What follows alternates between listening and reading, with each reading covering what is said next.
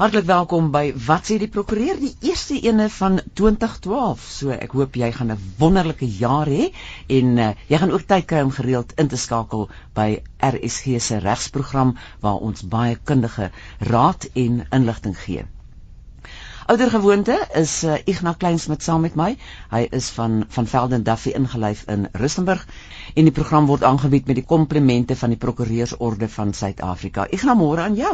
Goeiemôre Amanda, goeiemôre luisteraars, ook van my kant af baie voorspoed vir almal vir die nuwe jaar en baie dankie by voorbaat dat u ons gaan vergesel met ons programme op 'n maandagooggend 11uur. Manne, ons het ook vandag 'n gas by ons en 'n persoon wat 'n paar jaar gelede ook 'n uh, gas was by wat sê die prokureur, naamlik Volker Kreer. Uh Volker is daar by Van Velden en Duffy, hy's 'n ou tikkie waar hy sy BCom LLB graad voltooi het en hy spesialiseer op die gebied van boedelbeplanning, testamente, bereddering van boedels, alles en nog wat in verband met testamente en die wonderlike nuus vir ons luisteraars is en ek dink dit gaan vir u lekker wees dat uh, vir die volgende week of 2, 3 gaan ons 'n hele reeks aanbied om vir u behoorlik in te lig oor wat al u regte is, wat u verpligtinge is en 'n kontrolelys vir u testament en wat jy nou moet kyk en wat jy oor moet dink en 'n aanmerking moet neem en ek dink is u geluister het vir die volg vir die vandag en na volgende week en die week daarna uh, dan gaan u behoorlik ingelig wees oor dit wat u behoort te doen wat testament en boedelbeplanning betref. So baie dankie Volker dat jy bereid was om ons toe kom help. Môre Ignas, môre luisteraars, lekker om terug te wees so vroeg in die nuwe jaar.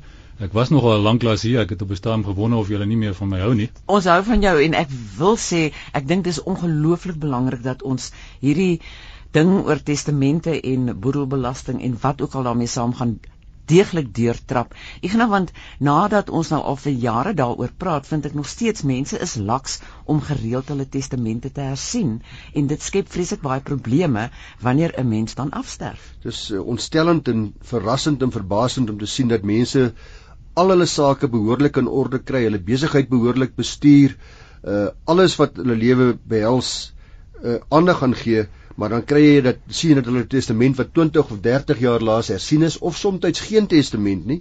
En uh ek dink die rede daarvoor is 'n man dat mense wil nie graag dink aan die dood nie.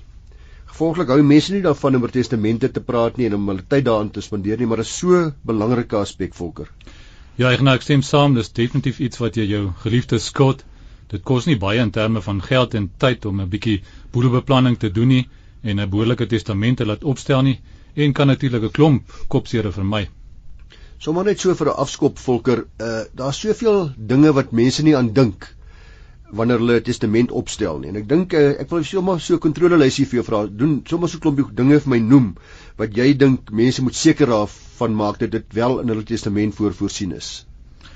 Ja, ek nou eerste aspek wat ek daar kan uitwys is voogte, ehm um, en 'n trust vir minderjarige kinders waar daar minderjarige kinders is.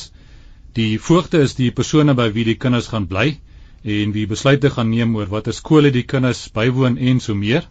Die trustees aan die ander kant is weer die persone wat in beheer gaan wees van alle kontant en ander trustbates wat aan die trust nagelaat word en wat hulle dan vir hulle vir die kinders se onderhoud moet aanwend en aan hulle moet uitbetaal soos deur die trustakte bepaal. Want as 'n kind sou erf en daar is nie 'n trust vir hom nie, wat sou die gevolge daarvan wees?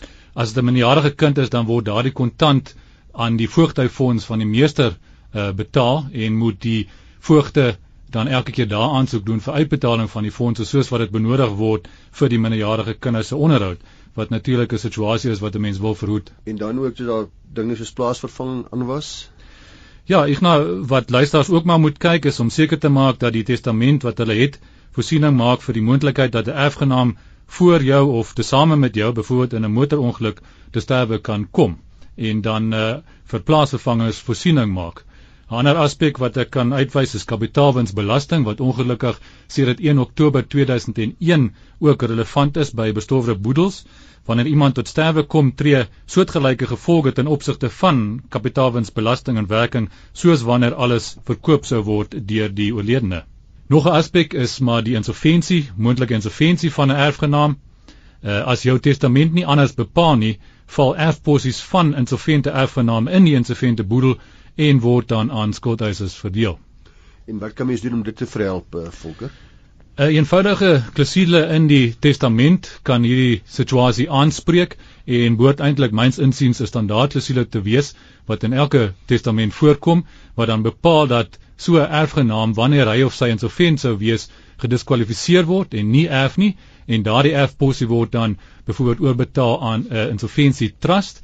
Trustees word dan benoem om die bates te bestuur en uh, te belê en so meer en dan weer aan die insolvente erfgenaam beskikbaar te stel sodra hy of sy gerehabiliteer is. So is 'n heel wettige manier om te sorg dat die erfposie nie in die hande van die skuldeiser van die erfgenaam land nie. Jy het nou gepraat van uh, kapitaalwinsbelasting en ek dink die boodskap is dat mense moet besef dat gaan kapitaalwinsbelasting betaalbaar wees en dikwels uh, is daar 'n kontante tekort in 'n boedel, maar dieselfde geld ook vir boedelbelasting nê.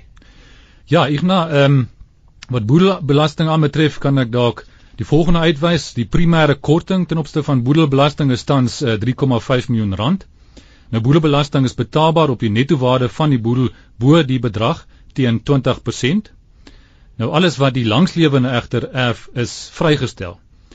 Uh verskeie opsies kan oorweeg word om vir boedelbelasting te beplan, soos byvoorbeeld die oprigting van 'n familietrust.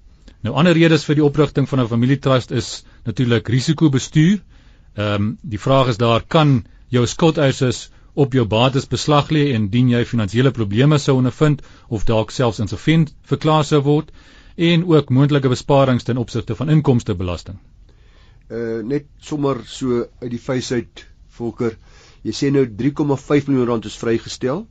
So kom ons sê my boedel is 8 miljoen rand werd en ek wil nie graag op die 4,5 miljoen rand wat nou oor gaan wees na my 3,5 miljoen primêre korting in berekening geword wil ek nie 20% belasting betaal nie want ek gaan 20% van 4,5 miljoen rand betaal as my boedel 8 miljoen rand sterk is.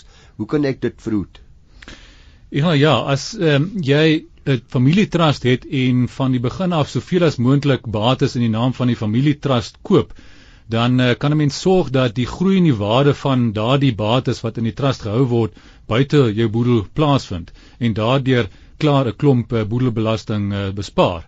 Uit die aard van die saak kan 'n mens nie net bates laat verdwyn uit jou boedel nie. As jy dit skenk aan die trust dan gaan daar skenkingsbelasting van 20% betaalbaar wees. So dis nie regtig 'n opsie wat 'n mens normaalweg oorweeg nie. So dis 'n meer langtermynbeplanning vir 'n vroeë stadium al. Dis reg. Ja.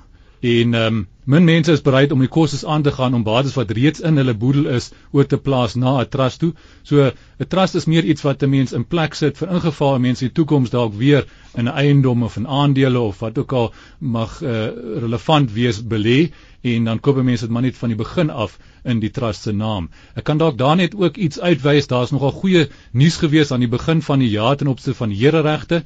Voorheen is uh, trust en maatskappye en BKs teen 'n hoër koers, naamlik 8% belas van die eerste rand af wat hierdie regte aanbetref. Maar uh, sien die verandering aan die begin van die jaar word uh, trust nou teen dieselfde en ook maatskappye en BK teen dieselfde koers belas in terme van heerregte as natuurlike persone. So die eerste 600 000 rand is byvoorbeeld vrygestel en daarna is dit 'n glyskaal wat van toepassing is. So daar's eintlik nou meer gevalle waar dit nogal sin maak om 'n bate liewes in die naam van jou trust aan te koop in 'n korttermyn oplossing natuurlik dalk op die langtermyn nie altyd so goeie oplossing nie is om uh die balans van my boedel aan my vrou te laat vererf. Wat beteken ek gaan dan geen boedelbelasting betaal by my afsterwe nie. Dis reg. Maar my vrou dan weer die risiko natuurlik dat sy sit dan met 4,5 miljoen rand waarop sy dalk 'n belastingprobleem gaan hê by haar afsterwe. Dis reg. Ehm um, maar gelukkig is daar ook 'n uh, wysiging wat so 2 of 3 jaar terug ingekom het waar volgens uh, by getroude uh, uh, gades die primêre korting verhoog is na 7 miljoen rand in totaal. So as 'n deel van die primêre korting van 3,5 miljoen rand nie in die eersterwende gade se boedel aangewend is nie, dan kan die balans wel ook in die langslewende gade se boedel aangewend word en afgetrek word sodat die sodat die totaal vir die twee boedels 'n uh, 7 miljoen rand is. So dis daarom ook 'n toegewing van die ontvanger se kant af waaroor almal bly was. So luisteraars, soos jy alreeds kon seker aflei, redelik ingewikkeld. Ons wil dit nie te tegnies maak nie, maar die belangrike boodskap is maak seker dat u maar 'n goeie prokureur gaan sien om vir u te help in die boedelbeplanning of 'n ander adviseur van die keuse. Uh maar u kan werklik groot bedrae boedelbelasting spaar deur die regte ding op die regte tyd te beplan. Jy's ingeskakel by RSG 100 tot 104 FM en indien jy nou eers by ons aangesluit het, baie baie welkom. Jy's net betyds vir die tweede gedeelte van wat sê die prokureur en uh so ja, so vir die volgende 3 weke gaan ons gesels oor alles en nog wat aangaande testamente en boedels en wat daarmee saamgaan. En ons gas in die ateljee wat gesels oor hierdie onderwerp is Volker Kreur van van Velden Duffy ingelyf in Rustenburg en saam met hom Ignas Kleinsmid. Volker, ons was besig om te gesels in die vorige gedeelte hoor, soos Amanda sê, alles en nog wat wat luisteraars in gedagte moet hou wanneer hulle na hulle eie testament kyk en sommer 'n kontrolelys oor dinge wat hulle miskien nie oorweeg het nie. Een daarvan is ook die hele kwessie van skenkings. Ja, Ignas, as 'n testament nie anders bepaal nie, word skenkings aan erfgename in sekere gevalle, byvoorbeeld waar die kinders in gelyke dele erf, afgetrek van erfposies. Nou aangesien die meeste erflaters dit nie wil hê nie, bepaal die testament normaalweg dat erf um, of dat dat die skenkings nie afgetrek moet word van die erfgename se erfposies nie. So prakties gesproke beteken dit dat uh ek het vir my kind iets geskenk in die lewe nog en nou sê ek dit dit word nie dit word nie beskou as deel van sy erfposie nie. Is dit Dis reg ja. As uh, dit geld egter net dis eintlik maar vermoede wat in ons reg geld dat uh, die erflater sy kinders gelyk wou bevoordeel as hy in die testament bepaal dat die kinders gelyk erf. Wat dit beteken dat as die erflater dalk 'n kar vir die oudste kind geskenk het toe uh, hy of sy universiteit toe is, dan word daardie kar se waarde afgetrek van die erfposie as die testament nie anders bepaal nie. En uh, weer eens omdat die meeste mense nie wil hê dat die skenkings afgetrek moet word nie, bepaal die testament gewoonlik dat uh, skenkings nie ingebring hoef te word nie. Volker, ek het nou 3 kinders en kom ons sê een van my kinders uh, is al klaar getroud en ek het vir hulle 'n huis gekoop en ek wil nog vir die ander twee kinders ook met op tyd 'n huis koop, maar ek sterf intussen voordat ek die kinders gelyk kon beregtig en gelyk kon behandel. Hoe gaan my testament daarvoor voorsiening maak? Ja, dan moet 'n mens maar in die testament dienoorkomstig die verdeling tussen die erfgename uh, doen. Een moontlikheid is om maar in persentasies te werk en die oudste kind 'n bietjie minder te gee as die jonger kinders.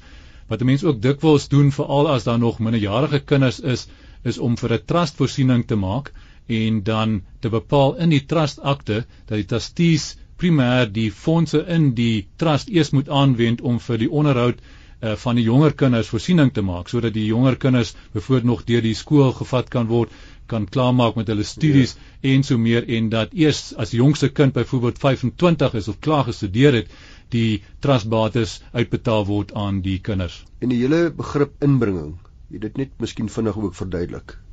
Dit is maar wat ons uh, bespreek het ten opsigte van die skenkings uh, as jy die inbringing in, uitsluit in 'n testament, dan word die skenkings nie afgetrek van die erfposies waar die uh, erfgename in gelyke dele erf nie. En dit geld ook vir lenings. Ek kan ook byvoorbeeld my kind kwytskeld van geld wat nog aan my verskuldig is, dat dit nie hoef ingebring te word nie. Dis reg, dit moet egter dan spesifiek in die testament uh, genoem word. So daai vermoede uh geld nie in die geval van enige lenings wat nog uitstaande is. So by lenings moet 'n mens spesifiek in die testament bepaal dat daardie lening afgeskryf word of dat 'n bedrag gelykstaande aan die lening ehm um, vererf aan daardie spesifieke erfgenaam wat die wat die geld skuld. Hou net in gedagte weer eens die kapitaalwinsbelasting implikasies is ongelukkig hier ook relevant. Uh, in gevolge die relevante wetgewing is die afskrywing van 'n skuld ook 'n kapitale wins wat dan ook belas word. So uh, wanneer 'n mens in jou testament uh, skuld afskryf van 'n erfgenaam, dan gaan daar ook kapitaalwinsbelasting uh, te sprake wees. So een opsie is om byvoorbeeld 'n bedrag te noem in die testament, sê nou maar die kind skuld jy nog 500 000 rand om dan net 500 000 rand as sulks aan die kind te bemaak. Uh, in watter geval dan nie sprake gaan wees van kapitaalwinsbelasting aangesien dit nie neerkom op die afskrywing van 'n skuld nie. Hoorie meneer, maar julle het my iewers verloor. Ehm um, deesdae kan ouers nie anders as om vir hulle kinders karre te koop nie want ons openbare vervoerstelsel in Suid-Afrika gee die kinders nie geleentheid om by universiteite uit te kom nie. So word dit dan as as skenkings beskou en moet dit so in die testament aangetoon word of wie gaan ooit daarvan weet? Wel dit is 'n skenking wat uh, afgetrek gaan word van daardie kind se erfposie waar die kinders in gelyke dele erf behalwe as jy in die testament anders bepaal. Nou ek het uh, sover baie min gevalle gehad waar erflaters ehm um, wil hê dat skenkings afgetrek word. So in die meeste gevalle sê 'n mens spesifiek in die testament skenkings soos byvoorbeeld daai kar moet nie afgetrek word nie. Smet julle. Dan 'n uh, eh, volkerig reuse probleem wat mense ondervind is dat mense nie mooi dink aan die onderhoud van die langslewende gade nie. Veral waar die langslewende gade nie genoeg erfneem maar daar ook 'n klomp ander erfgename is. Ja, Ignas, ehm um, voordat die wet op die onderhoud van die langslewende gade in werking getree het, het die langslewende gade geen eis gehad teen die bestorwe boedel vir onderhoud nie. Ehm um, die aanname was natuurlik daar gewees dat die langslewende gade in elk geval genoeg ingevolge die testament gaan erf en dat dit dus nie normaalweg 'n behoefte is aan onderhoud vir die langslewende gade. Nou ongelukkig is daar natuurlik omstandighede, ongelukkig vir die langslewende gade waar ehm um, hy of sy nie uh, veel erf nie of dalk selfs niks erf nie of ten minste nie genoeg erf om vir die langslewende gade se onderhoud voorsiening te maak. Nou gelukkig is daar nou daardie wet waar volgens die langslewende gade dan inderdaad 'n eis teen die boedel kan instel vir uh, sy of haar onderhoud goeie nuus vir alle langslewende gades. Dan die hele kwessie van kontant vloei, kontante kort. Ons het nou al gepraat van boedelbelasting wat dalk betaalbaar is, ons het gepraat van kapitaalwinsbelasting wat betaalbaar is. Uh hoe moet 'n erfgenaam daarvoor voorsiening maak? Ekskuus, 'n uh, erflater. Ja, ek gaan dit is maar belangrik om as deel van die boedelbeplanning die uh, sommetjies te maak en te kyk hoeveel kontant daar in die boedel beskikbaar gaan wees, wat se uh belasting daar betaalbaar gaan wees in, in terme van boedelbelasting, in terme van inkomstebelasting, in terme van kapitaalwinsbelasting en ook ongelukkig BTW as die erflater dalk vir BTW geregistreer is.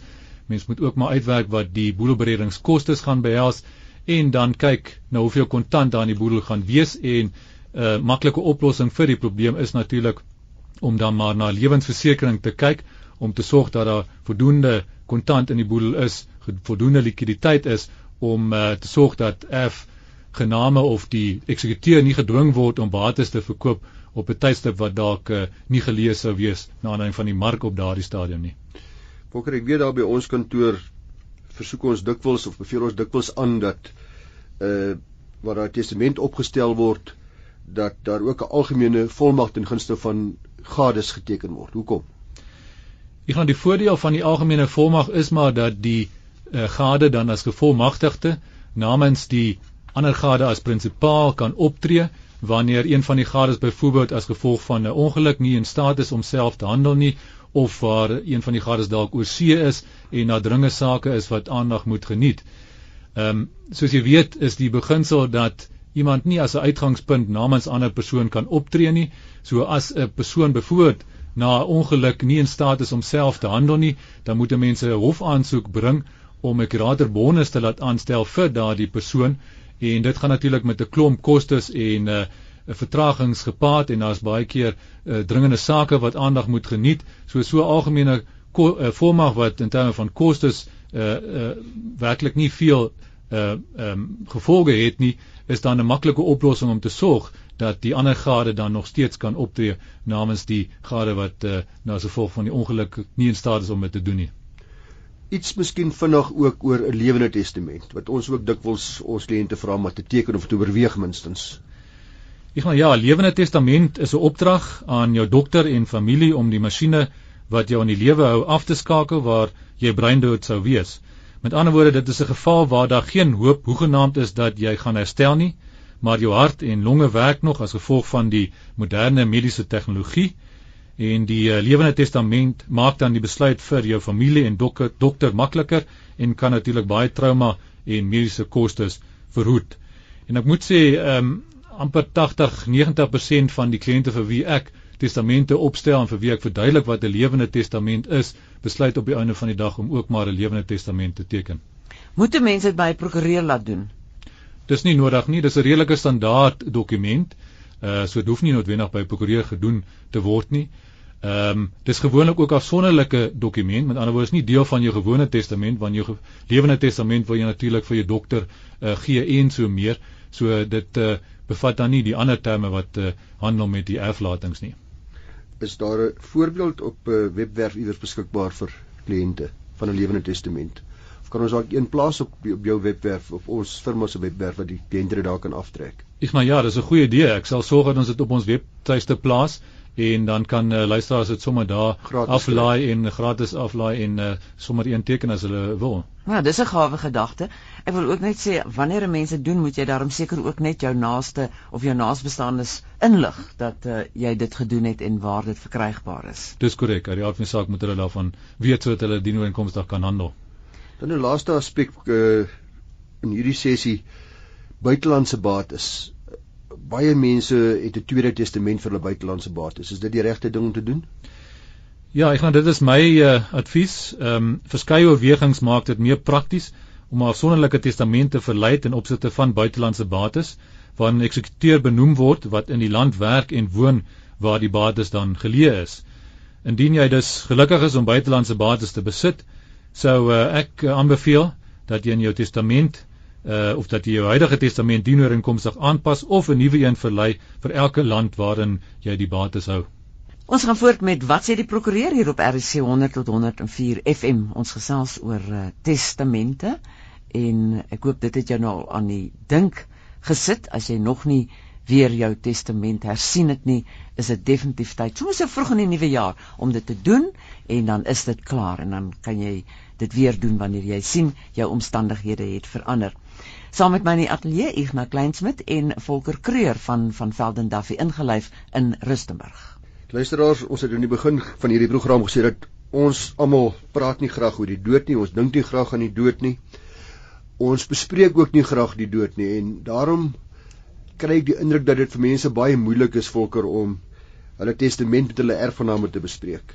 Uh, ek het my persoonlike opinie daaroor, ek het al voorheen dit gelig om te sê dat dink tog mense moet dit ernstig oorweeg. Daar's baie voordele, maar uh prokureurs verskil daaroor. Hoe wat is jou mening?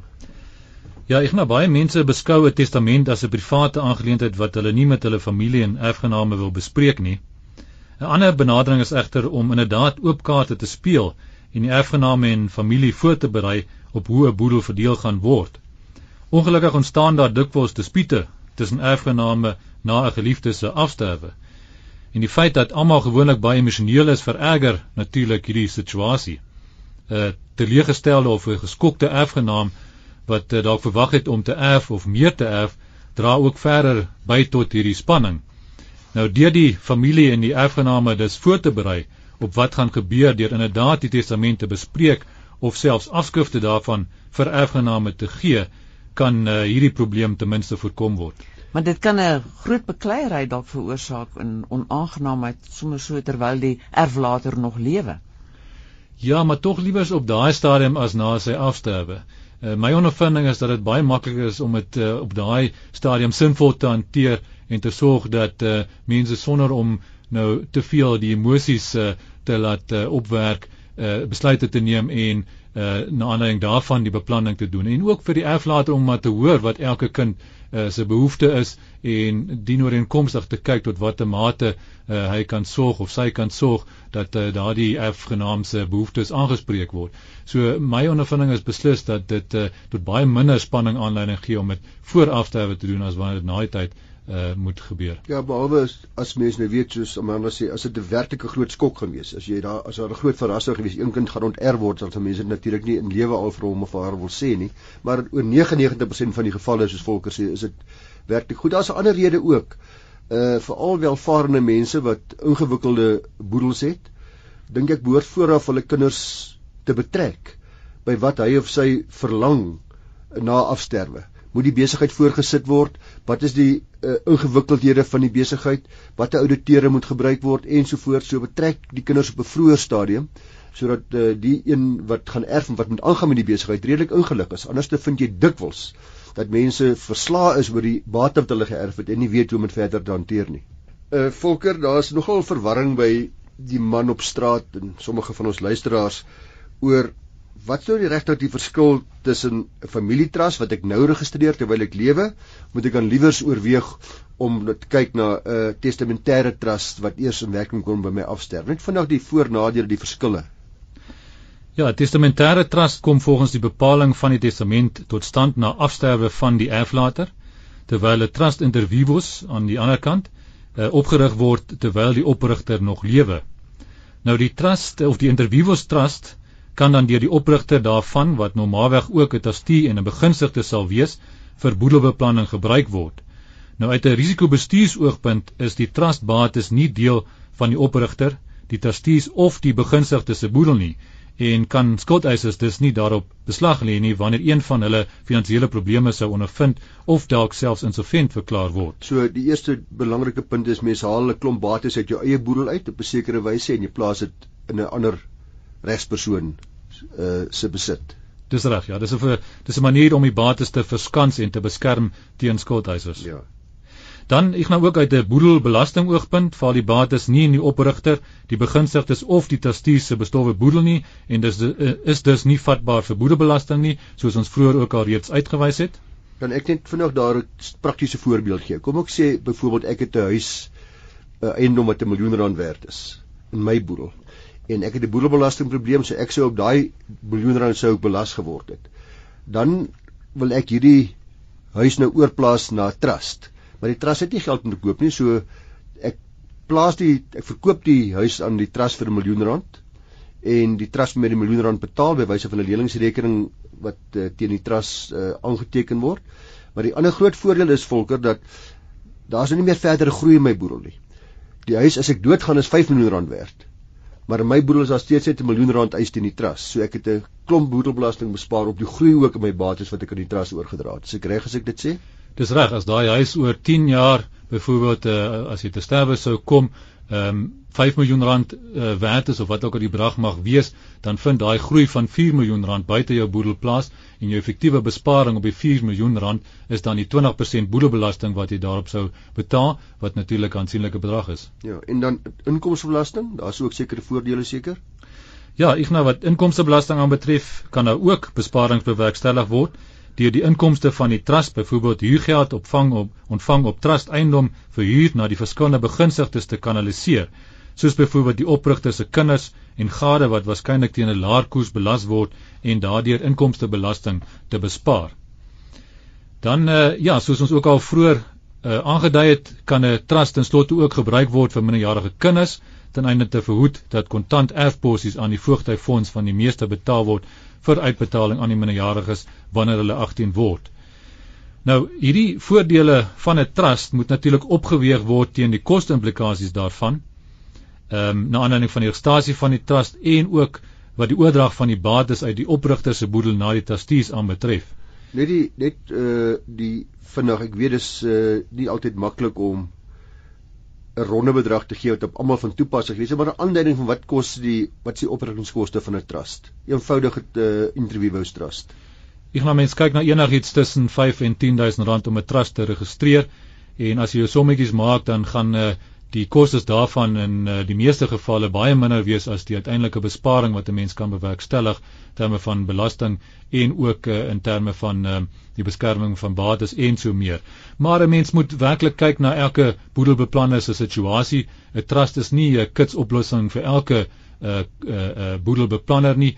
So dit hang maar af van omstandighede en uh, mens uh, moet maar behoorlike advies inwin en na aanleiding van jou omstandighede besluit of dit die moeite werd gaan wees om dit te doen. So as ek kan opsom volker vir al mense wat dalk boedelbelastingprobleme het, gaan hier by afsterwe en die wat reeds inkomstebelastingprobleme het met inkomstegewende bates, uh, moet ernstig kyk na die oprigting van 'n interviewhouse trust. Dis reg. En dan 'n testamentêre trust daarteenoor? Testamentêre trust word hoofsaaklik gebruik vir minderjarige kinders. Ehm um, ten einde te sorg dat die kontantfondse nie in die voogtyfonds uh se hande uh, beland nie en natuurlik ook om die kinders teen hulle self te beskerm. En uh, om daardie rede ehm um, deesdae is mense met 18 meerderjarig, maar die meeste erflates besluit om daai ouderdom 25 of selfs 30 jaar te maak voordat die kinders die geld mag ontvang om te sorg dat die kinders dit nie uh, gebruik vir uh, duur karre of om moseese reise uh, te te maak nie, maar eerder eers uh, vir hulle opvoeding en hulle opleiding uh, voorsiening te maak. Volker, ek het uh drie kinders. En kom ons sê nou maar ek het vyf skilderye. As ek nou die vyf skilderye bemaak, my roerende goedere aan my drie kinders bemaak in gelyke dele, dan moet hulle nou self van kies wie kry watter skildery of is dit beter om te sê Hoorie, die Mala Kleinsmid en my vrou het roops nou begin skilder. Uh ek gaan na Pietie toe en uh die Elleroe gaan na Sunny toe en die wie ook nog al dit mag wees, kry die derde skillery. Of uh wat hoeveel jy oor spesifieke bemaak? Het probleme, het dit voordele, het dit nadele? Ja, ek nou die voordeel van spesifieke bemakings aan spesifieke erfgename is dat die dat dit 'n uh, moontlike dispute tussen die erfgename oor wie wat uh, moet kry kan verhoed. Wanneer kinders byvoorbeeld in gelyke dele benoem word as erfgename, moet uh, alles of verkoop word wat normaalweg nie 'n goeie idee is nie omdat 'n mens min kry vir tweedehandse goed of alles moet verdeel word of die kinders moet 'n herverdelingsooreenkoms sluit in gevolge waarvan hulle ooreenkom hoe die bates verdeel gaan word. Die belangrikste nadeel aan die ander kant of of die belangrikste nadeel van hierdie benadering is die feit dat 'n mens dan gereeld jou testament moet hersien, soos wat jy bates koop en verkoop om uh, te sorg uh, om sorg te dra dat die testament nog reg lees. Nou aangesien die meeste mense nie goed daarmee is soos ons voor al gesê het om hulle testament gereeld te hersien nie, is dit myns insiens 'n sinvoller benadering om um, maar die erfgename in gelyke dele of in persentasies te bevoordeel. Die potensiële risiko tussen kinders of ander erfgename kan byvoorbeeld verhoed word deur 'n onafhanklike persoon te benoem as eksekuteur. 'n uh, Prokureur met die nodige ondervinding sal byvoorbeeld baie kan help om die kinders te lei na 'n sinvolle verdeling van bates wat 'n mens ook kan oorweeg is om in testament te bepaal dat die erfgename waar hulle nie kan ooreenkom op die verdeling van die bates op 'n rotasiebasis byvoorbeeld van die oudste na die jongste die bates kan kies en dat 'n mens dan daarvolgens die uh, boedel verdeel. Die belangrike ja. boodskap, ekskuus Amanda, is sekerlik uh, as ek so na Volker luister, doen behoorlike beplanning, sien 'n kundige persoon, maak seker dat die testament voldoen aan die vereistes en dat ons vandag uh wat ons na hierdie kontrolelys geluister het dat ons testament aan al hierdie probleme uh redelik aandag gegee het. Baie dankie daarvoor Volker. Die webwerf se adres waar hulle draai kan gemaak om meer inligting oor die testamente te kry. Dis www.vvd vvd vir van Velden Duffy uh .co.za. Al die vrouens moet asseblief hulle ore spits want volgende week gaan ek vir Volker vra 'n bietjie met ons te gesels ook oor wat behoort ek as 'n vrou te weet van my regte as langslewende gade waar ek alleen agterbly. Uh daar's baie probleme en daar's baie dinge wat ek dink belangrik is om te weet. Ons moet 'n bietjie kyk oor uh ek is binne gemeenskap goed getroud, val die langslewende gade se bates ook in die bestorwe boedel. Ons gaan kyk wat, wie moet ek as trustees aanstel? Hoe beïnvloed die aanwasbedeling die opstel van my testament? Ek vir die tweede keer getroud, baie groot probleme by die opstel van testamente.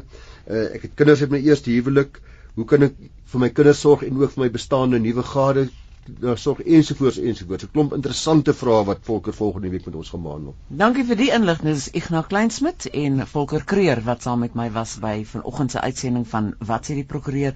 Onthou die program word ook weer Vrydagoggend om 1 uur in deernag herhaal. Groete van my Amanda Olivier tot ons weer gesels.